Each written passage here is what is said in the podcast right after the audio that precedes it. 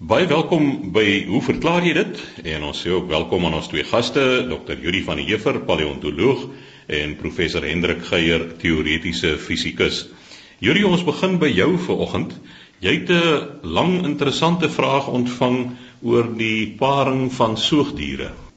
Goeiemôre Chris, Henk en luisteraars. Ja, meneer JC Greiling het 'n uh, vraag ingestuur met 'n paar onderafdelings en wat eintlik wil sê is dat die vraag sentreer rondom die paringsgedrag van soogdiere en spesifiek uh, kat en hondagtiges en hy vra dat by honde, ook die wilde hond, is hulle na paring nog tot omtrent 20 minute, ek dink in party gevalle 30 minute aan mekaar gekoppel en dit impliseer dat by die wilde honde in hulle natuurlike omgewing hulle in 'n baie swak posisie geplaas word teenoor ander roofdiere.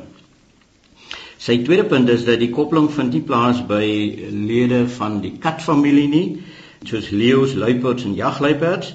En dan in die derde deel van sy vraag wil hy graag hê of ons ietsie oor kan sê en dan dink hy verder spesifiek aan jakkalse, klein katfamilie soos die rooi kat, hy dink aan die hyenas, die aardwolf, muishonde en hierdie soort diere. En hy wil nou weet wat is die rede hiervoor? Nou dit is waar dat by honde is daar 'n aanpassing dat wanneer paring plaasvind, dan swel die basis van die penis groot op sodat die reën eintlik vassit in die geslagsopening van die teef. En die rede hiervoor is kortliks is om seker te maak dat daar genoeg saad is wat dan die eiersel van die ehm um, teef kan bevrug. Nou hoekom dit so is is waarskynlik om te keer dat uh, die teef dan paar met ander reëns want by honde leef die sperm vir omtrent 11 dae sodat wanneer paring plaasvind dan uh, rus die sperm op 'n stadium en wanneer die eiersel dan vrygestel word of eierselle dan vrygestel word kan bevrugting plaasvind en die vassit van die reën sorg dan tot 'n groot mate dat die reën die enigste een is wat dan nageslag by so 'n teef sal verwek.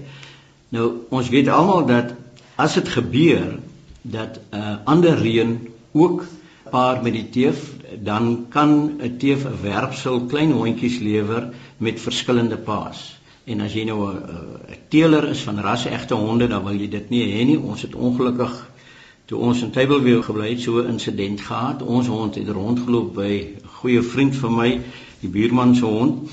En die het ook 'n klein hondjie verwek wat nou glad nie soos 'n keusehond gelyk het nie en ons moes toe die die kleintjie maar noodgedwonge 'n huis gee.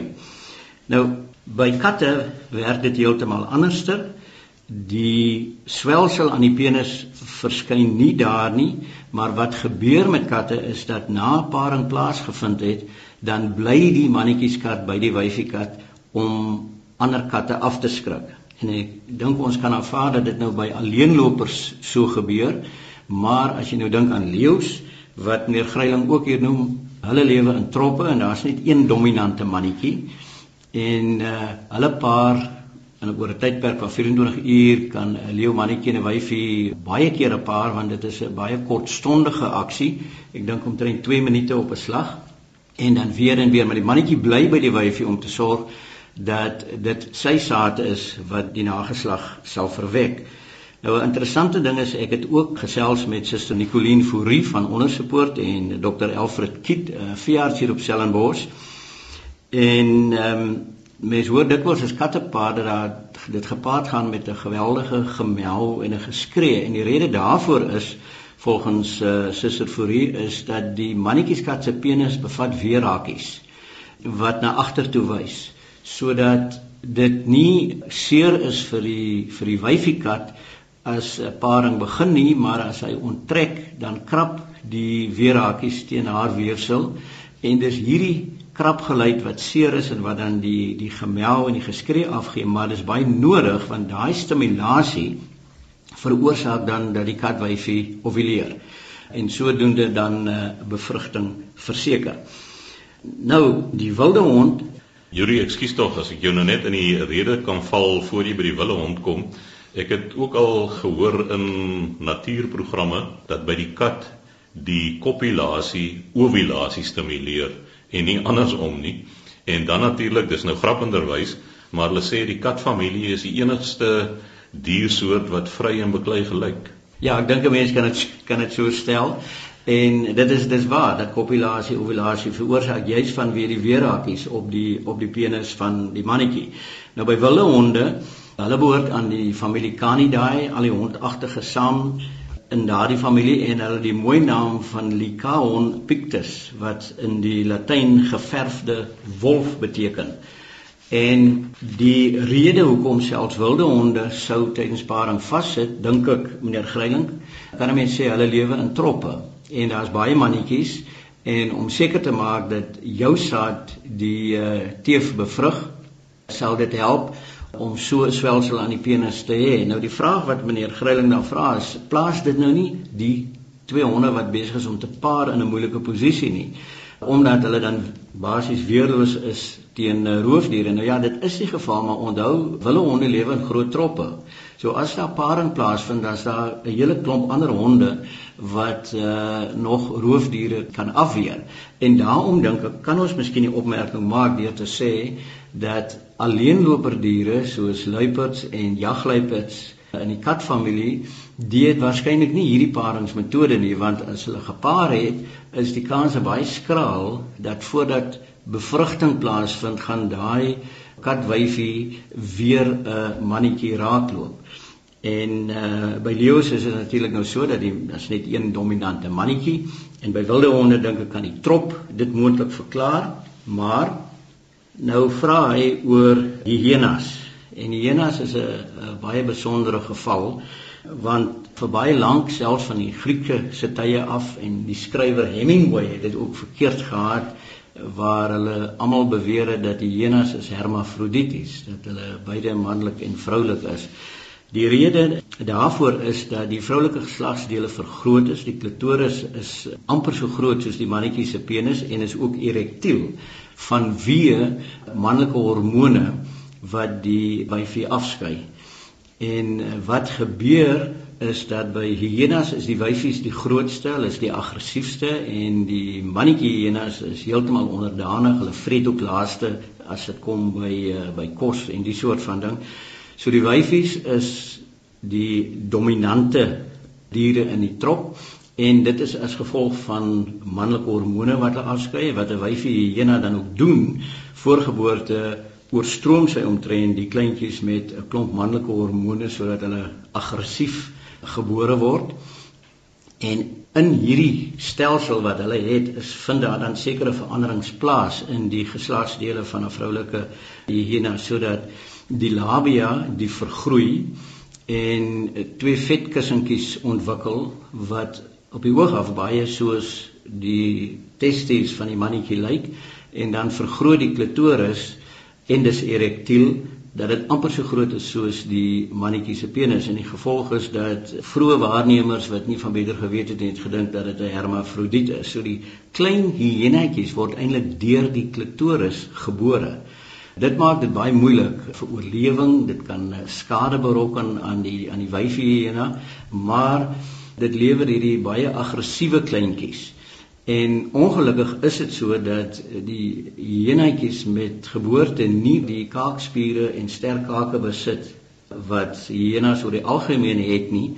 Trouwens van die navorsers sê dat klein hyenetjies sukkel selfs om hondebeskuitjies te eet. Hulle kake is so swak. So die hyenema sorg vir kleintjies tot omtrent op 24 maande na geboorte wat baie baie lank is vir 'n soogdier totdat hulle die sterk hake ontwikkel het wat hulle dan uh, bene en ander goed mee kan uh, fynkou. Nou gesien die geslagsdele van hoe die bou van die geslagsdele is van die hyenas dink ek nie dat uh, ons dieselfde aksie het by die hyenas waar die mannetjie en die wyfie vassit nie. Maar nou hierdie ander goed wat meneer Greiling vra, die aardwolf, die muishond en die goed. Nou ek het probeer kers opseek soos ek gesê het by suster Nicoline Fourie en dokter Alfred Kiet en op die oomblik weet niemand presies wat daar gebeur nie, maar die voorstel wat hulle gemaak het is dat die aardwolf en muishonde is alleenlopers.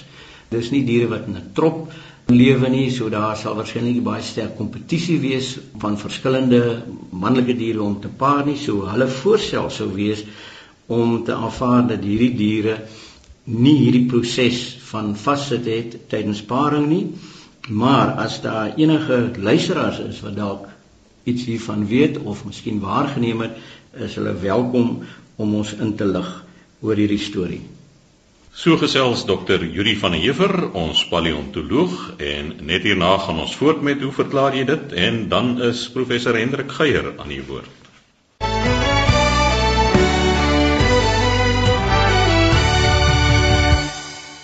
Ons gaan voort met hoe verklaar jy dit? Professor Hendrik Geier is die spreker en Hendrik, die vraag wat jy ontvang het is hoekom sekere materiale inkrimp wanneer hulle warm gemaak word in steede daarvan om uit te sit.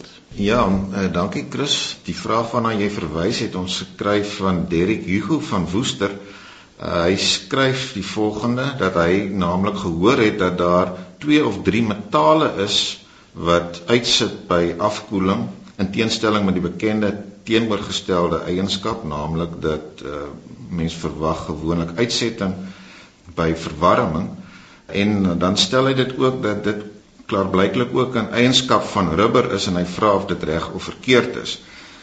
So net eers direkte reaksie op die stellings wat Derek Hugo hier maak. Ek is nie bewus daarvan dat daar enige metale is wat hierdie eienskap het dat hulle sal inkrimp nie. Dit is wel so dat metaalhoudende kristalle en ek kom weer 'n slag daarby terug dat sommige sulke metaalhoudende kristalle hierdie eienskap het En dit is beslis ook so dat rubber hierdie vreemsoortige gedrag het dat wanneer jy dit warm maak, dit inkrimp en wanneer jy dit afkoel, dit uittrek. So Chris, kom ek begin deur eers net te verwys na die rubber situasie en probeer verduidelik waarom dit so is dat 'n rubber die eienskap het dat wanneer jy dit warm maak, dit eintlik inkrimp en wanneer jy dit afkoel, dit uittrek. Om dit te verstaan moet 'n mens verwys na die struktuur van rubber wat uit individuele polimeerkettinge of lang molekules gestruktureer is.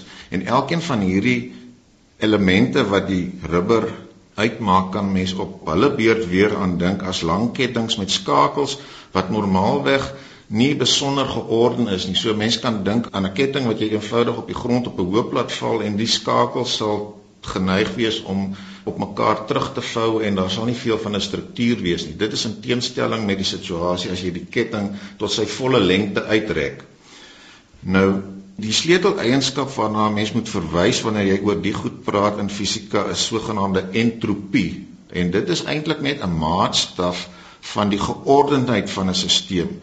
So wanneer ons nou na die ketting of die rubberpolimeer verwys, dan sou 'n mens sê dat wanneer die ding volledig uitgerek is, dan is dit georden, baie georden en daarmee assosieer ons 'n lae entropie. Aan die ander kant as die ding opgevrommel is, is dit minder georden en daarmee assosieer ons 'n hoë entropie.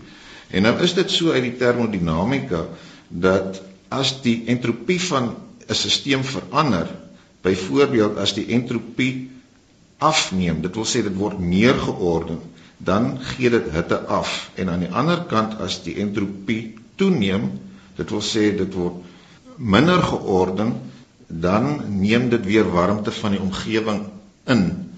En dit kan 'n mens eksperimenteel met 'n baie maklike eksperimentjie vir jouself van oortuig as jy so 'n rubberrekkie vat en jy rek hom vinnig uit en hou dit in jou bolop, dan sal jy agterkom die ding voel warm. En dit beteken dat warmte van die rekkie na jou lip gevloei het. Dit is hoekom dit warm is. Aan die ander kant as jy daai rekkie wat 'n tyd lank uitgerek was toelaat om in te krimp en teen jou bolop hou, dan voel hy weer koel en dit beteken dat warmte van jou lip af na die rekkie toe gevloei het. So onthou nou, daai inkrimping beteken 'n groter mate van ongeordenheid en dit is 'n proses waarby hitte opgeneem is. So nou kan ons sien waarom dit so is dat as jy warmte toevoeg tot 'n rekkie, dan verhoog jy sy mate van ongeordendheid. Dit beteken hy gaan meer geneig wees om in hierdie individuele polimeerkettinge 'n opgevrommelde struktuur aan te neem en in daai opvrommeling is dit natuurlik die makroskopiese eindresultaat dat die rekkie self besig is om te krimp. So vir rubber is dit die feit dat die mikroskopiese struktuur bestaan uit hierdie individuele polimeerkettinge wat die sleutel is tot die verstaan van hoekom rubber hierdie vreemde eienskap het.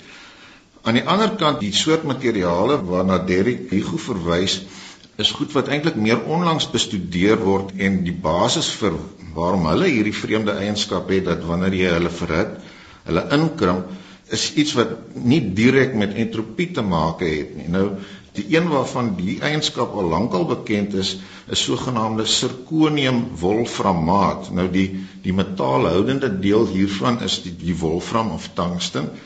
Hierdie is ongelukkig 'n redelik ingewikkelde struktuur. Die vermoede het die hele tyd bestaan dat die rede waarom sirkonium wolframaat die eienskap het dat dit by verwarming inkrimp daarmee te maak het dat alhoewel die individuele komponente vinniger vibreer en dit is hoe ons gewoonlik verstaan dat verwarming tot uitsetting lei as jy net dink dat jy energie toevoeg die mate van vibrasie van die individuele komponente op mikroskopiese vlak verhoog dan kan jy dink dat die die goed wat besig is om te vibreer het meer spasie nodig om nou vinniger en heftiger te vibreer en dus lei dit tot uitsetting. Nou die vermoede was dat in hierdie geval dit wel so is dat die individuele komponente vinniger vibreer, maar dat hulle op 'n manier tussen mekaar ingeskit word wat die totale volume laat afneem. En dit is inderdaad wat navorsers onlangs kon bevestig deur na 'n eenvoudiger struktuur te kyk iets met die naam van skandium trifluoried. So die die boustene daar is een skandium atoom. Dit is skandium is ook 'n metaal en drie fluoried atome. En 'n mens kan jou die situasie voorstel as 'n mens dink aan die volgende: vier vierkantjies ewe groot wat 'n mens binne 'n groter vierkant inpas, maar op so 'n manier dat die vier vierkantjies elkeen relatief tot 'n gewone horisontale en vertikale as deur 45 grade gedraai is. So elkeen van hulle staan as dit ware so op hulle punt. Dit laat 'n mens onmiddellik aan 'n diamantvorm dink as jy die ding so gedraai het. So mense sien nou vier diamantjies wat binne in 'n vierkant inpas. En dit impliseer 'n sekere volume wat hierdie vier goed inneem. As 'n mens hierdie vier diamantjies effens relatief tot mekaar roteer, dan kom 'n mens agter jy kan dit op so 'n manier doen dat hulle nog steeds soos oorspronklik by die punte aan mekaar gekoppel word, maar dat jy hulle as dit ware effentjies platter druk en dat die ruimte wat hulle dan effektief inneem op die manier kleiner geword het.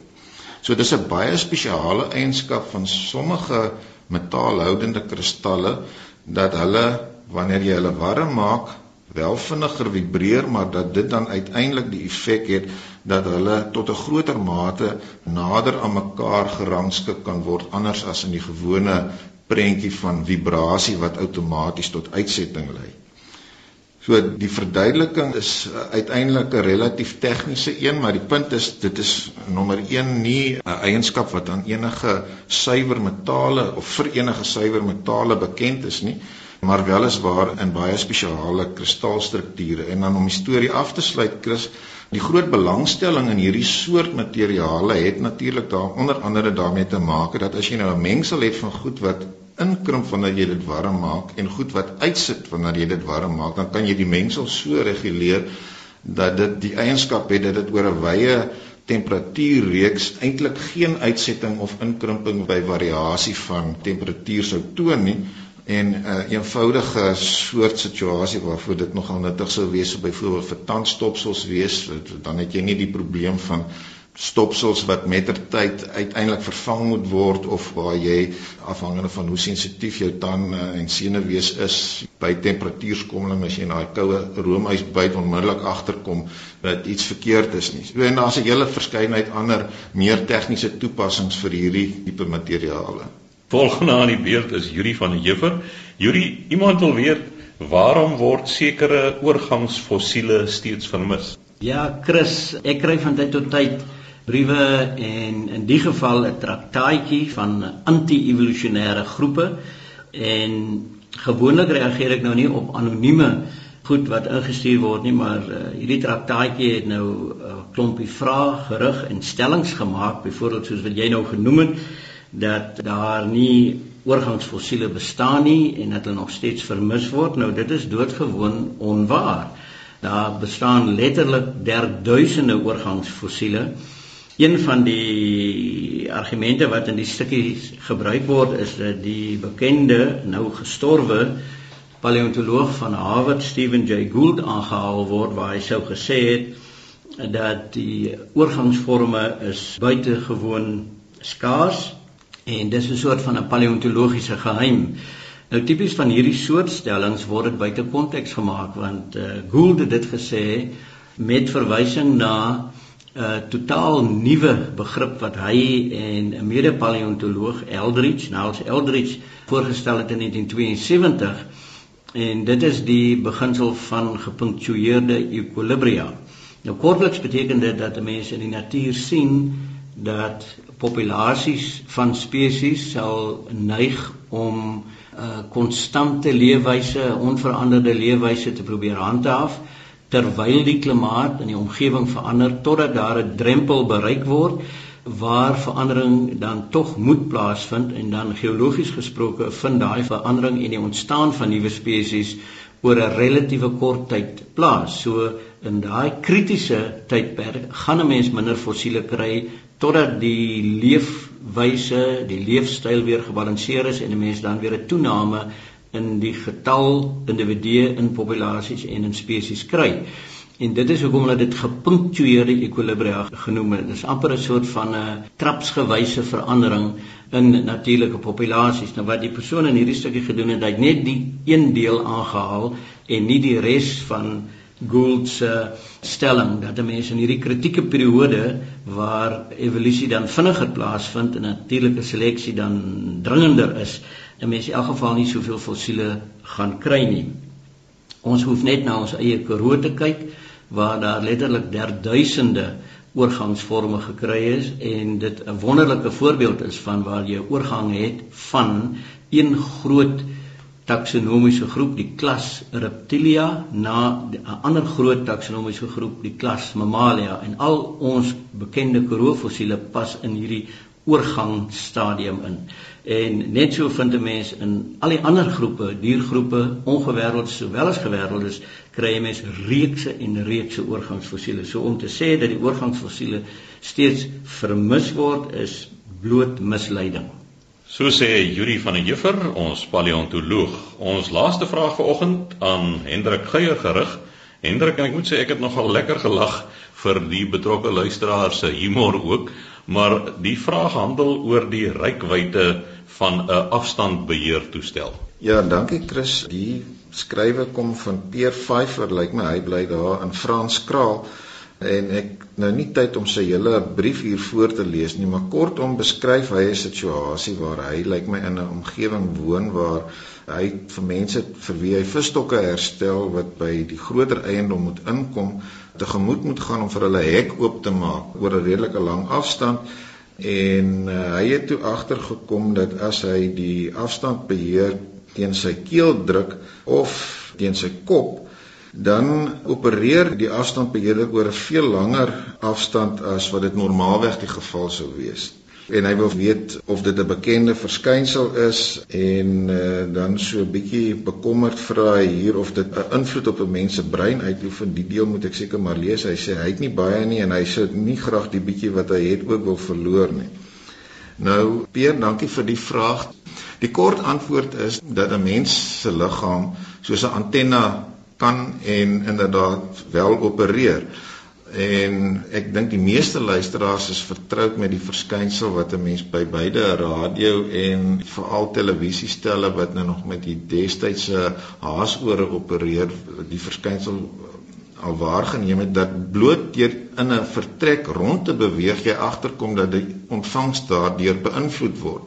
En meer spesifiek as jy direk kontak maak met die haasoor antenne of die radio se lugdraad deur daaraan te raak, dan kom jy agter dat jy die ontvangs daardeur drasties kan verbeter en dit het daarmee te maak dat soos ek gesê het 'n mens se liggaam soos 'n antenna kan figureer. Onthou 'n antenna is beide iets wat in die eerste plek elektromagnetiese golwe van 'n baie bepaalde aard uitstraal, maar dan is hulle natuurlik vir ons in die meer bekende rol van strukture wat selektief elektromagnetiese golwe registreer en opvang en daardie vermoë het beide te maak daarmee dat die antenna self aan die osilleer gaan so die elektromagnetiese golwe kan selektief elektrone in die antenna heen en weer skud. Dit wek op sy beurt dan weer elektromagnetiese golwe op wat dan deur die instrument wat daarvoor ontwerp is opgevang kan word.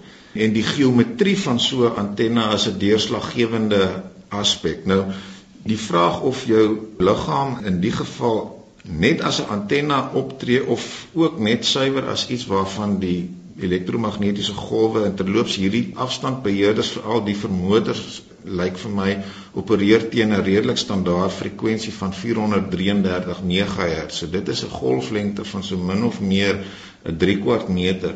Nou dit mag wees dat 'n mens se liggaam bloot ook net as 'n weerkaatsing dien en of dit so is dat jou skedel 'n beter mate van weerkaatsing bewerkstellig as die res van jou liggaam is ek nie seker nie ek het die vraag terloops ook met twee ingenieurs hier op Stellenbosch uh, bespreek professor Jan Du Plessis en professor John Kloete wat albei na die kombinasie verwys het van die antenna effek en blote weerkaatsing. Hoe dit ook al sê, hierdie is beslis nie 'n voorstedelike mite nie, dit is 'n reële effek dat jou liggaam in staat is om die sein dermate te versterk dat dit oor 'n langer afstand effektief is. Nou ek het nogal moeite gedoen om op die internet te soek na 'n sistematiese verduideliking. 'n Mens sien talle dokumentasies van die verskynsel en redelik wilde bespiegelinge hieroor, maar ek moet sê ek kon nêrens agterkom dat iemand hierdie effek nou ordentlik sistematies analiseer het op so 'n manier ten minste dat 'n mens iemand met vertroue daarna sou kon verwys nie. Maar die, ek dink die algemene verskynsel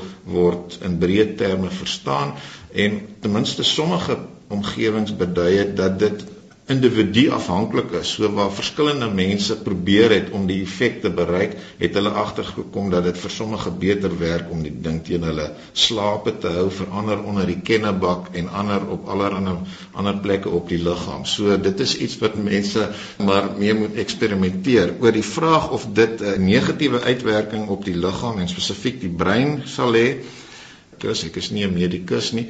Ek is wel bewus daarvan dat talle studies al ook gedoen is rondom die effek van van selfoonsyne, maar daar is nog geen geen studie wat onteenseglik daarop gewys het dat 'n mens hier met 'n risiko te maak het wat totaal te vermy is nie. So ek sou dink ons is in elk geval gebaai in elektromagnetiese golwe van allerlei golflengtes en sterktes. Ek twyfel of hierdie iets spesiaal negatief aan jou brein gaan doen, maar uh, ek gaan nie verantwoordelikheid neem vir wat jy met jou eie afstandbeheerder doen nie.